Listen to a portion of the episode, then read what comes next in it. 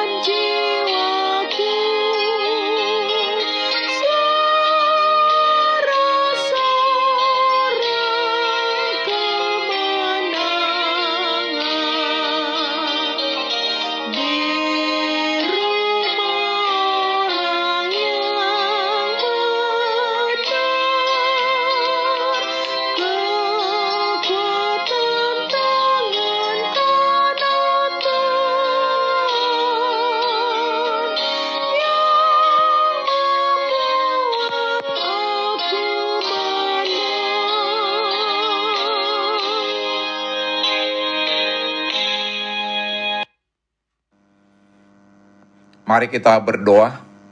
Tuhan Yesus, di pagi hari ini kami hendak merenungkan firman-Mu. Berikan kepada kami hikmat dan pengertian untuk memahami firman-Mu, dan tolong kami untuk melakukan firman-Mu dalam kehidupan kami. Amin.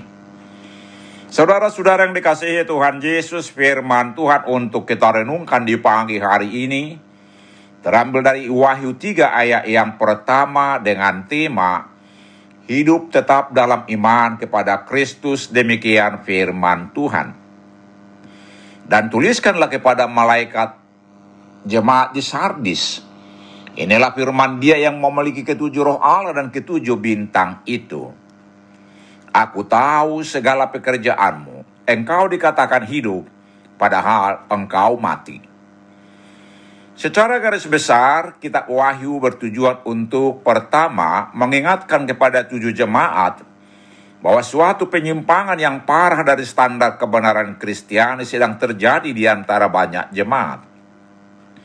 Surat ini menegur tindakan kompromi dari dosa mereka serta menghimbau mereka untuk bertobat. Kedua, untuk meneguhkan iman ketetapan hati dan kesetiaan jemaat kepada Kristus agar menjadi pemenang dan tetap setia sampai mati sekalipun.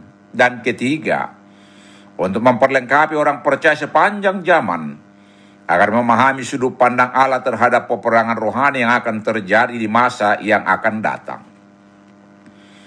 Nats ini menunjukkan firman Tuhan yang menegur jemaat di Sardis yang telah mati secara rohani dan hanya beberapa anggotanya yang tinggal setia kepada Injil. Secara lahiriah, tampaknya mereka hidup dan aktif serta memiliki kerohanian yang baik.